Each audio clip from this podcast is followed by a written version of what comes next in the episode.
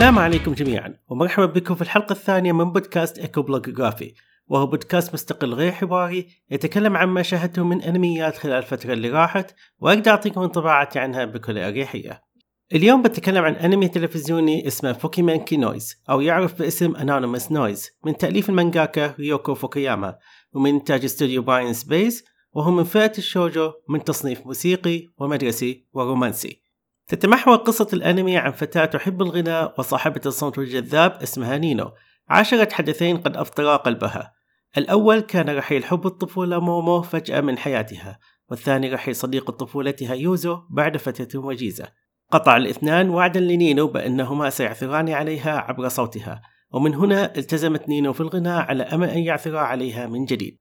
مسار القصة في أي بداية كأي بداية عهدناها في بعض أنميات الشوجو أو حتى الشونن اللي تتمحور عن بنت كانت تحب واحد من أصدقاء الطفولة ويوم من الأيام اختفى عن حياتها وجاء ولد ثاني يحاول يساعدها الوضع اللي هي فيه ويكتشف الأخير أنه عنده مشاعر لها ومو بعارف كيف يوصلها. طبعا طريقة سرد القصة تختلف تماما من أنمي إلى أنمي بس حبيت أوضح فكرة القصة بشكل عام. التحدي الحقيقي يكمن في كيفية سردها وإلى أين تقود شخصياتها لتعطيك النهاية اللي تستحقها. صراحة الأنمي فاجأني في أشياء كثيرة في تطور القصة وأقدر أقول إني أشوف تطوره جدا رائع صحيح إن بعض توقعاتي ما تحقق المسار اللي كنت أطمح له، لكن المسارات اللي حطوها في الأنمي عوضتها لي وأقدر أقول إني جدا استمتعت في القصة.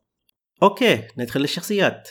على أن شخصية نينو لطيفة ومرحة في بعض أجزاء الأنمي لكن بقولها كاش. نينو شخصية مزعجة جدا خصوصا في بدايات الأنمي بس عجبني تغير شخصيتها للأفضل ولو بشوي خلال أحداث القصة طبعا الفضل كله يعود لشخصية يوزو. من جد لو هالشخصية مو موجودة كان يمكن لنينو إن تقتل الأنمي كله بإزعاجها. وأكيد جزئية الموسيقى كان لها تأثير كبير في شخصية نينو وهذا اللي ساهم في التسهيل من تطور شخصيتها المعقدة. وهذا اللي يعجبني في الأنميات الموسيقية هو كيف للموسيقى إن تقدر تغير حياة شخص تدريجيا للأفضل بعد أن علق في منطقة مظلمة في حياته وكيف قدرت يخليه يتعامل مع الحياة بأريحية وبشكل مستمر. شخصيا أنا أشوف أن يوزو هو البطل الفعلي للقصة وتأثيره جدا واضح في أي شخصية يكون حولها سواء كان زملائه أو أعضاء الفرقة. على الأقل نقول في البدايات لين جات نينو وكرس كل وقته أنه يساعدها لأنها شخص تعز عليه في الماضي وهي الوحيدة اللي تقدر تبرز موسيقاه. حسيت في البداية أنه بيتم إهماله خصوصا أن نينو إلى الآن متعلقة بمومو لكن إصراره على مساعدتها من دون ما يخلي مشاعره تؤثر عليه أحيانا هو اللي خلاني أطمئن عليه. من هنا يدخل أفضل شخصية في الأنمي واللي أسميه المنقذ يوشيتو. إذا يوزو يعتبر روح الفريق فيوشيتو هو الصمغ اللي يبقي الفريق. دائما نشوفه في جانب يوزو في أصعب أوقاته رغم طرقه المشكوك فيها. لكن بصراحة ما آذى أي أحد ودائما يسعى أن هالفريق يكون متماسك ومتآلف مع بعضه علشان تقوى العلاقة اللي بينهم وتطلع طاقاتهم الدفينة بكامل قوتها أمام الجميع. حلو فلندخل عنصر الموسيقى. للأسف توقعت الموسيقى الخلفية تكون أفضل بكثير. أغلبيتها تكون نسخة موسيقية من أغانيهم الغنائية فما حسيت بقوة بعض المشاهد الأنمي اللي كانت تستحق موسيقى خاص فيها. بس الموسيقى الغنائية هي من أفضل ما سمعت لفترة طويلة.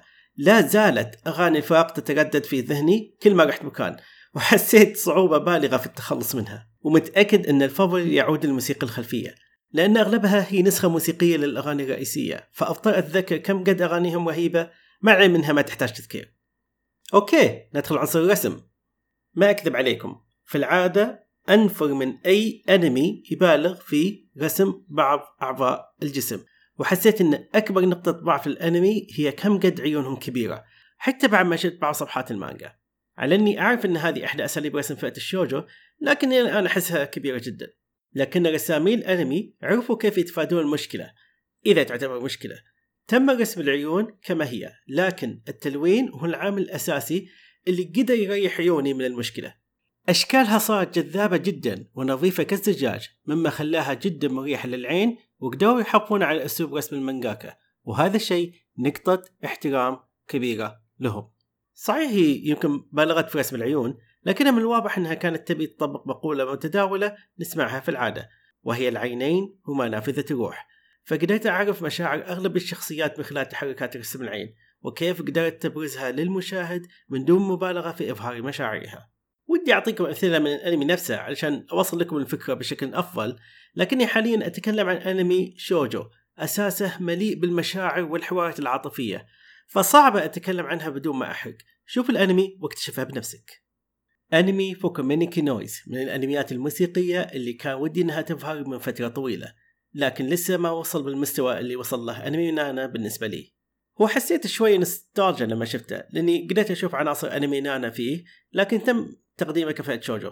وفي اهتمام كبير بالشخصيات لكن للأسف ما أعطيت حقها في أنمي من 13 حلقة. أتمنى بصراحة موسم ثاني له يتطرقوا بشكل أعمق للشخصيات الجانبية وأكيد من دون ما يهمل الشخصيات الرئيسية. لكن السؤال هنا هل أنمي فوكومينكي نويز يستحق المشاهدة؟ بالنسبة لي شخصيا نعم يستحق المشاهدة خصوصا إذا كنت من يحبون الشوجو. أما إذا ما كنت تحب هذه الفئة فأنصح أنك تعطيه جزء من وقتك. كتغيير جو على الأقل. في النهاية الأنمي كله 13 حلقة فبيمديك تخلصه في جلسة واحدة لو بغيت. طيب هذا كل اللي كان عندي في حلقة البودكاست اليوم.